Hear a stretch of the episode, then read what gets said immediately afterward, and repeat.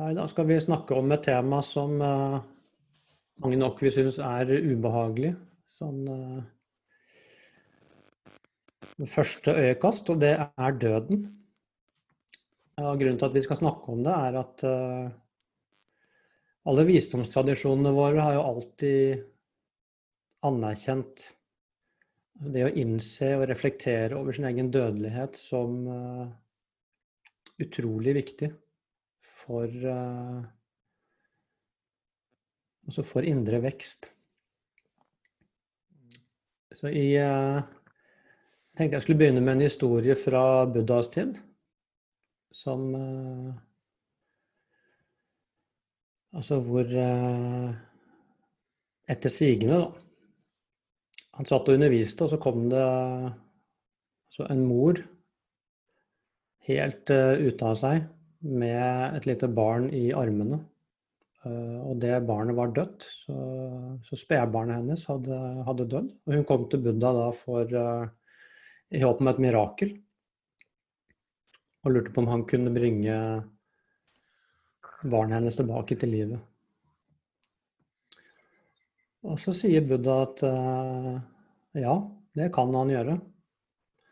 Men da må hun få et riskorn fra en husstand som aldri har opplevd død.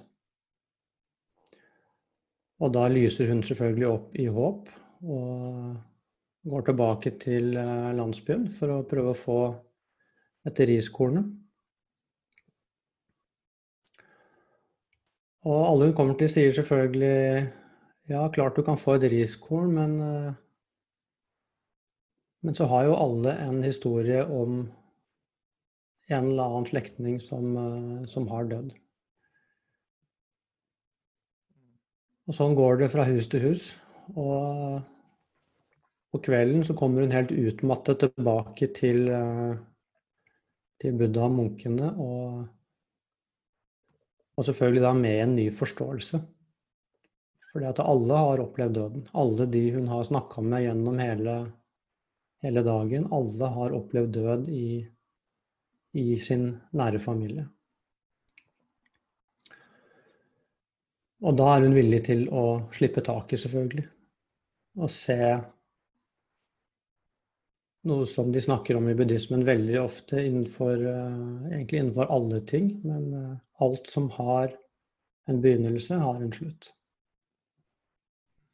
Men det du pekar mot i den historien, er det i utgangspunkt da vårt sett å forholde oss til døden? Altså det at vi av så klart veldig mange naturlige årsaker så går vi jo inn egentlig det der med at vi ofte går i konflikt med døden, som jo man så klart forstår, men at smärtan blir egentligen bara större ju mer motstånd och ju mindre vi klarar av att rymma, rymma det som sker oavsett hur brutalt och hemskt det än må være. Da.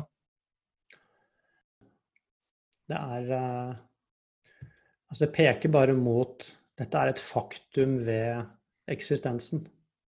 Altså, enten vi vil det eller ikke, så er det bare sånn eksistensen er. Så kommer det ikke med noe vi blir ikke født med et sett med rettigheter overfor livet. Og det er jo veldig vanskelig for oss mennesker å innse, for da, da blir vi absolutt sårbare. Så, og det er viktig å forstå da i den historien at selv om hun er villig til da Altså hun innser at døden er et faktum. Hun er da villig til å begynne å slippe taket. Men det tar jo ikke bort sorgen. Altså det er jo brutalt. Det er det jo minst sagt. Ja, ja, det er så brutalt som det kan få blitt. Og det er jo faktisk livet innimellom. Og det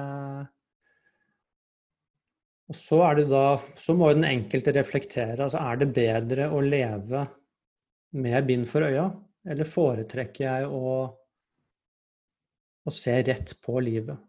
Og begynne å forholde meg til det sånn som det er. Og, og der er jo selvfølgelig Altså buddhismen og alle visdomstradisjonene er jo veldig klare på det. Altså det virkelig gode liv, det kommer først når du begynner å forholde deg til livet sånn som det er.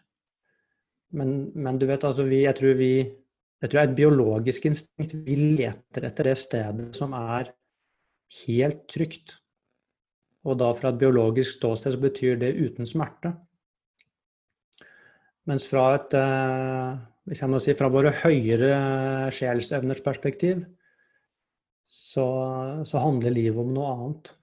Du innser da at det å leve innebærer smerte. Men det går an å leve et uh, Altså det virkelig rike, gode livet, det kommer ikke av å hele tiden søke trygghet. Altså det kommer av å, av å gå forbi det. Og si et, uh, et, ubetinget ja til livet sånn som det er. Som du kan begynne å danse med. Og det, det er der det litt utrolige skjer. Det som ligger da bakenfor den første frykten. For det føles da som jeg går inn i noe absolutt utrygt. Men det er først da du finner den tryggheten som vi faktisk har, vi mennesker. Den tryggheten som går helt ned. Altså det som eh, Jeg kaller ofte det indre fjellet. At du kan være Du, du finner en ro da som, som tåler livet sånn som det er. Og det har vi faktisk. Og det er et eh, godt sted å leve fra. Ja, for det du sier om frykt der, det har jeg selv tenkt på veldig mye. Og spesielt på tal om døden, altså hvordan du, på en måte ser på døden. Altså at det Jeg opplevde det når jeg tenkte en del på døden, at jeg ofte så det fra et veldig sånn begrenset perspektiv. Men så klart forståelig, altså at man ser på det med just frykt. Og da begynte jeg egentlig fundere over det der med om frykten Altså hvis frykten ikke er like aktiv i liksom tanken eller i møtet med døden, hva er det som skjer da. Mm. Og da da kunne jeg egentlig komme fram til at jeg også pekte mot noe helt annet. Og det var også, så begynte jeg også tenke på det der med folk som eh, ligger innenfor døden. Altså, det har man jo også Eller når man har spurt mennesker hva de angrer aller mest på, så er det ju nästan alltid det samme. Det er det at de antingen ikke visade eller tillbringade mer tid med dem man älskade. Alltså det kommer jo nesten alltid først. Mm. Og det jeg kjente på da, var at liksom bakom den frykten så ligger det faktisk også noen kvaliteter ved det å anerkjenne døden. Og det, det som kom fram for min del da, var just det altså, at ta hand om hverandre. Altså det, vi går jo rundt i livet og er ikke altfor sjelden ganske selvsentrerte. Som ofte fråntar oss muligheten å komme i kontakt med det som er det viktigste for oss. Så det betyr ikke at man skal tenke på eh, døden hele tiden, men jeg tror det å i alle fall reflektere eller fundere litt over sin relasjon til døden, og ikke bare låte vår frykt på en måte avfärda faktumet. Alltså det är så ofta frykt på ett eller annat sätt. Om vi undersöker det skapar väldigt många hinder för oss. Men när vi väl tar oss igenom den barriären av frykt så är det ju nästan alltid ett nytt, eller så är det alltid ett nytt perspektiv som väntar på den andra sidan. Och det är det som också kan förändra vår livskvalitet. Så egentlig, grunnleggende sett, døden eller ikke, så er det jo frykten som er verdt å undersøke. Ja, helt enig med deg. Det er jo også det, det er jo poenget i buddhismen. Så da jeg ble buddhistmunk, så var det Så jeg var jo bare 21, hadde jo ikke forholdt meg så mye til min egen dødelighet, for å si det mildt. Og, og da var det altså sånn meditasjoner, altså daglige meditasjoner over døden. Det var, det var noe vi begynte med med en gang. Og det var sånn at det var sånne kalde fakta, egentlig. Du vet alle skal dø. Eh, og det, du vet ikke når du skal dø. Det er ikke sånn at uh, livet kommer med noen garantier. At uh, man skal dø når man er gammel. Så det kan skje når som helst. Og den type, jeg, For det første så var det, det var to ting. Det var hvorfor i all verden skal jeg sitte og meditere over dette? Det var, jeg synes det var, det var både ubehagelig og litt sånn morbid. Og jeg så det tok litt tid før jeg skjønte poenget med det. For det, i meg så vekte det bare et ubehag, så jeg så ikke at det brakte med seg så mye. Men det tok ikke så veldig lang tid før Det er som du sier, spørsmål, må du egentlig bare komme gjennom den barrieren av frykt som ikke vil For du vil egentlig ikke ta i det. Men det øyeblikket jeg begynte å la det spørsmålet og refleksjonen da komme inn, så skjedde det jo noe helt annet. Og det tror jeg, for det hender jo det at folk spør ja, liksom, hva hvis du visste at du bare hadde en måned igjen eller en uke igjen, eller lev hver dag som det var den siste. Og så er det veldig mange som går ut å ja, da er det full fest uh, hele tida. Er det hæla i taket og drikker champagne liksom de siste Men da har ikke spørsmålet gått inn.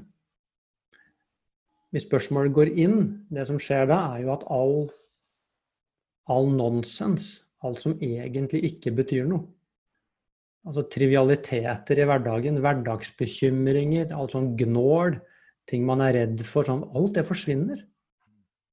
For at du ser i det litt større bildet så betyr jo ikke de tingene noe. Det som kommer fram da, det er hva er det som virkelig betyr noe. Nei, for det Du vet, det var Eller det, det var en jeg snakket med om vår podd. Som sa at hun tykte det var eh, Hva var det hun sa? At det var befriende, tror jeg det var. At vi, att vi snakket om personlige og ofte vanskelige ting som, som en naturlig del av livet uten at det på en måte var tvunget å bli veldig alvorlig. Ja. Og da slo det meg at jeg tror ofte grunnen til at livet blir veldig alvorlig, er jo kanskje det at det ikke alltid helt gis utrymme for vanskelige temaer eller personlige personliga problem for den delen.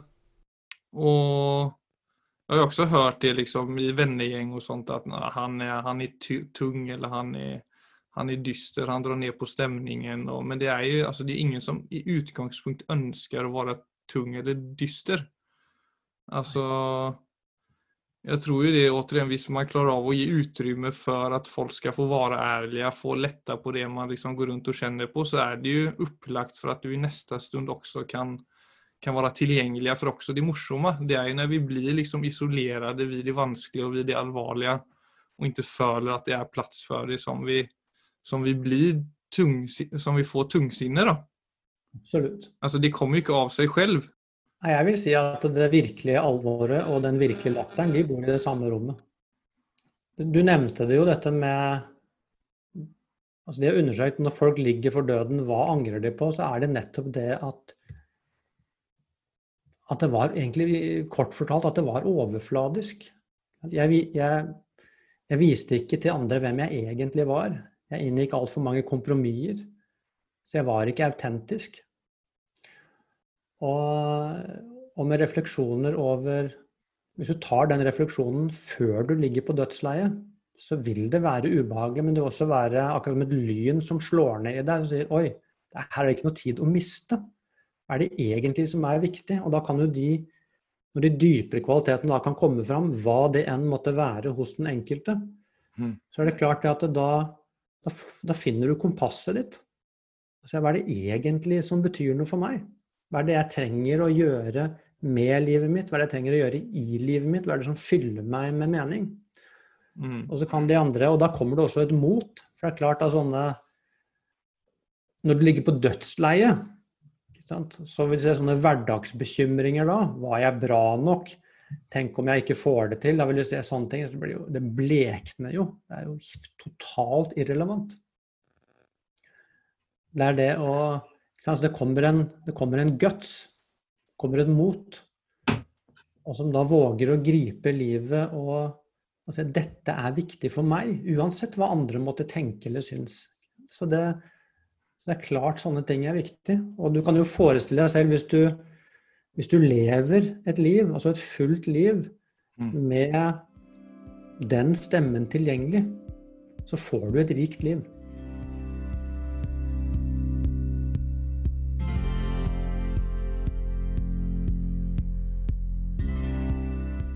Alltså jag hade ju nu idag innan vi startade så sa Gitte til Louis at sånn, du er jo verdens søteste. Og så sa jeg litt sånn på tull, men etter meg, da. Og så sa Gitte Ja, du var söt en gang i tiden, men eh, nå har ovanene tagit over. Men jeg har et håp om at du kommer tilbake en dag. Hvordan reser man seg etter det? Altså, det er jo egentlig Det var døden. det jo, På en måte så, så treffer de jo rett inn i eh, Altså det vi snakket om rundt eh, døden. For at eh, Hva er det den refleksjonen kan bidra med? Jo, den kan bidra med til å holde livet friskt. Til å nettopp da ikke Altså la bare vanen ta over. Så hvis du igjen, hvis du reflekterer litt, så vil du jo se det at Altså døden begynner jo lenge før dødsøyeblikket. Hvis du ser på det som at vi, at vi stivner. Så en vane er jo på en måte død, for det er bare det er bare fortiden som blir repetert igjen og igjen i nåtiden. Og da slipper ikke det, det friske øyeblikket slipper, slipper ikke til. Mm. Og, da, og da dør jo vi litt Vi dør da litt mer og mer innvendig, for til slutt så er det bare vaner igjen. Eller ovaner da, i dette fallet. Ja, Ja, eller i verste fall ovaner, som jeg tydelig har gått over i. ja det, blir jo, det blir jo uvaner. Så stivner vi i disse uvanene. Og da er det akkurat som du sier, det, det som var der, eller det vi elsker med et barneansikt og barneøyne, hvis, for der ser vi det er ikke, Disse slørene har ikke kommet på ennå. Av eh, alt det vi tror vi trenger for å bevege oss rundt i livet. Så de er helt nakne og helt åpne. Så vi har jo den eh, tendensen at vi ofte ser på sårbarhet som svakhet. Men hvis du ser på et barn, så vil du se at det er absolutt sårbart. Og det er jo akkurat det vi elsker med et barn. Så med barn så senker vi jo selv garden. Vi gjør det bare helt automatisk og tenker ikke på at det er det vi gjør engang. Men Mm. vi senker bare garden, og så er vi da i det øyeblikket vi ser inn i barneansiktet, så er vi helt sårbare. Og da kan man spørre seg hvor ille er det? Så vi sier nei, hva skjedde der? Jo, der smakte jeg livet. Ja, for det er jo noe med det å ikke alltid ta seg selv på for stort alvor, som jo man iblant kan gjøre. Det blir ofte en begrensning. Altså det å Det er mye skit som skjer i verden. Altså barn blir mobbet, og folk fødes med hemske forutsetninger. Og på tal om døden, så inntreffer jo den også ganske brutalt ibland. Og da er det kanskje ikke så farligt och om jeg da er ærlig med meg selv, altså innenfor meg selv og innenfor andre, og kanskje Jeg kommer til å tenke på Jeg møtte en mann for eh, Eller ble kjent med en mann for et par år siden som hadde opplevd å miste to barn. Og nå er det veldig vanskelig å måle, å måle smerte og lidelse, men det er klart uh, Når man hører sånn, så er det da man ofte tenker altså hva Hvordan er det mulig? På tal om å reise seg fra en dårlig dag, så er det der og Det der er, ja, det er noe helt annet. Ja, det blir det. Men det som var så ufattelig interessant med han, det var at eh, altså han skjønte i uh, sorgen sin at den eneste altså Den eneste måten å jobbe med dette på, det var gjennom aksept.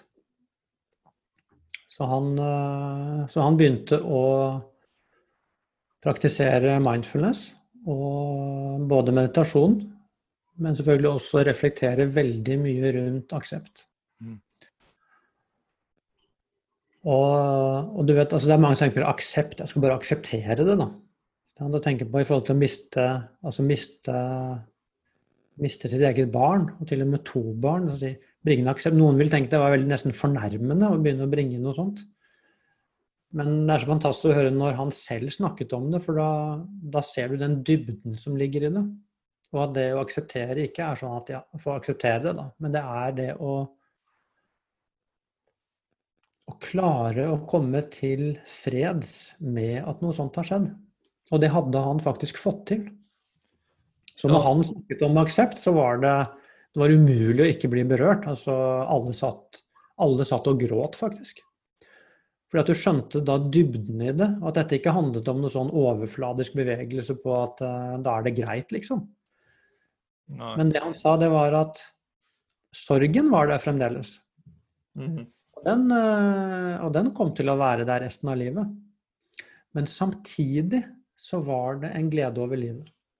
Og den hadde kommet som en følge av den jobben han hadde gjort med seg selv. Og spesielt da gjennom å jobbe med aksept.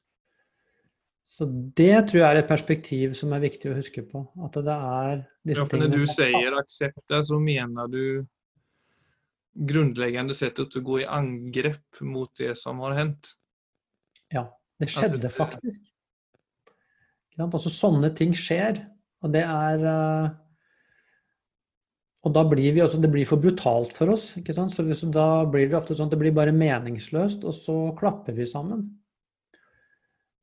Men det er da som, som stoikerne sier, som også høres veldig brutalt ut Men det, du har ikke noen rettigheter overfor livet. Nei. Og det tror vi at vi har, men det har vi faktisk ikke. Og det er noe med, med å se det at vi har faktisk ikke det. Livet er på en sånn måte at at den type ting kan skje. Jeg Kan, altså barna mine kan dø før meg. Og da står du igjen bare med den ene tingen.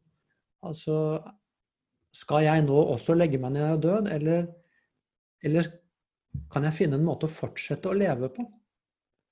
Det var det han uh, gikk inn i med aksept. Så aksepten gikk på å akseptere livet sånn som det er. Livet er sånn. Og i det så har han åpenbart, og det, det er det ikke tvil om når du møter ham, han har funnet en livskvalitet som er uangripelig.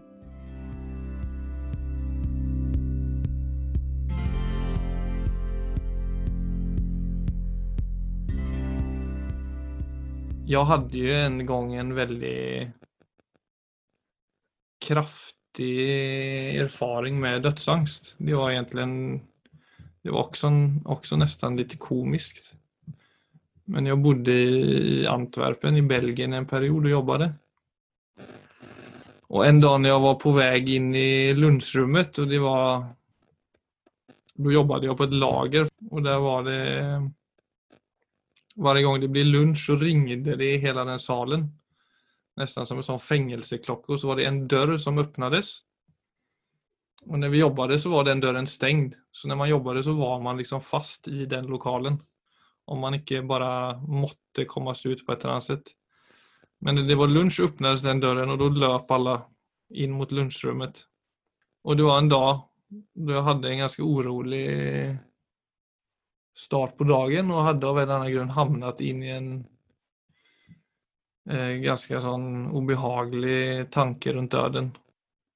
Og så tror jeg at jeg bare gikk lenger og lenger inn i det spørsmålet om det å ikke finnes til. Mm. Og når den klokken ringte, og jeg så at alle började røre seg mot lunsjsalen, så gikk jeg efter i mine tanker. Og plutselig så bare svartna det, altså midt i den dødsangsten som jeg befann meg i. Og så vaknade jeg i et fall, altså at jeg var på vei ned mot bakken. Og da jag jeg at det hadde tatt meg såpass kraftig, den insikten om at jeg en dag er borte, at det var som en sånn kortslutning i hele kroppen. Mm. Og eh, det var en otrolig sjokk, egentlig, hvor, hvor eh, det kunne skje. Ja, og det er, eh, jeg tror det er helt riktig ord, altså sjokk. Jeg tror det er altså den dypeste frykten som vi faktisk alle bærer, som er altså jegets frykt. Det er å bli borte. Så selv om vi på et overfladisk nivå så sier alle ja, jeg vet jo at jeg skal dø. Men altså, det å virkelig vite det altså jeg vil si I det øyeblikket der så erkjenner du faktisk din egen dødelighet. Og det er et sjokk. Det er et sjokk for jeget. Men, eh, men, som de da ville sagt i buddhismen, altså du må erkjenne din dødelighet før du kan erkjenne din udødelighet. Mm. Så de ville sett på det som en uh, utrolig viktig erkjennelse. Altså noe som uh, Altså da er det noe som skifter. Og så, så begynner faktisk en ny vei. Så Ja, for jeg vil jo altså, Nå skal jeg ikke si at det er pga. det som hendte der, men jeg vil nå ändå påstå at jeg i dag av ulike anledninger bruker mer innsikten om at jeg en dag ikke skal finnes til, mer til det positive enn det negative, egentlig. For det er litt det jeg har vært inne på i hele denne episoden, men det setter meg bare hele tiden i retning mot det jeg egentlig ønsker å få ut av livet. Og gjør meg også eh, mye bedre i stand til å faktisk fokusere på de menneskene og de interessene som, eh, som jeg har i livet. Så, mm. så det er noe med det å ja, som forsøkte å uttrykke litt i starten, hva skjer når frykten på en måte bare får gå åt siden litt? Da ja. er det noe som faktisk er som kan være befriende med den innsikten. Det er ikke bare kan være, som er nødt til å være befriende. De sier buddhismen altså ta, ta døden som din venn, som din rådgiver. Så de sier egentlig altså lev med døden på venstre skulder. Som jo vil høres helt morbid ut for de fleste, men, det som ligger i det, er nettopp det at eh, hvis du skal ta et valg, hvis du kommer i et dilemma, hvis du står i en vanskelig situasjon, og så tar du døden som din rådgiver, så blir det, når det er på virkelig, så blir det sånn at alt som er ikke egentlig viktig, det faller bort. Det er veldig enkelt å få øye på det som faktisk er viktig. Og med en gang jeg får øye på det som er viktig, så er det lett å ta et riktig valg. Så da er det ikke noe lenger noe, noe frykt eller noe morbid eller noe ting igjen. Men det er bare dette perspektivet som står igjen på mm hva er det egentlig som betyr noe? Så det er frukten av å, at dette får innpass i livet på ordentlig. Sånn er det for meg også i dag. Altså det, var, det tok, tok, jo litt tid, det gjorde det, for jeg syns det var ubehagelig. Men i dag, når jeg tenker på døden, så er det noe som, som bare åpner opp øyeblikket. Det er ikke noe, ikke noe vondt eller mørkt eller alvorstynget eller noen ting. Det er rett og slett bare den å gi seg hen til livet. Mm. Jeg, har noe, jeg, har ikke noe, tid å miste. Altså, det, er ikke, det, er ikke noe, det, er ikke, noe, å holde igjen på her. Jeg må gi, meg, må gi alt. Mm. Gi alt til, uh, til, kona mi. Jeg må gi alt til Altså hva jeg enn gjør. Gi alt, ikke hold tilbake. Det vil jeg si er det Det er det den rådgiveren forteller deg.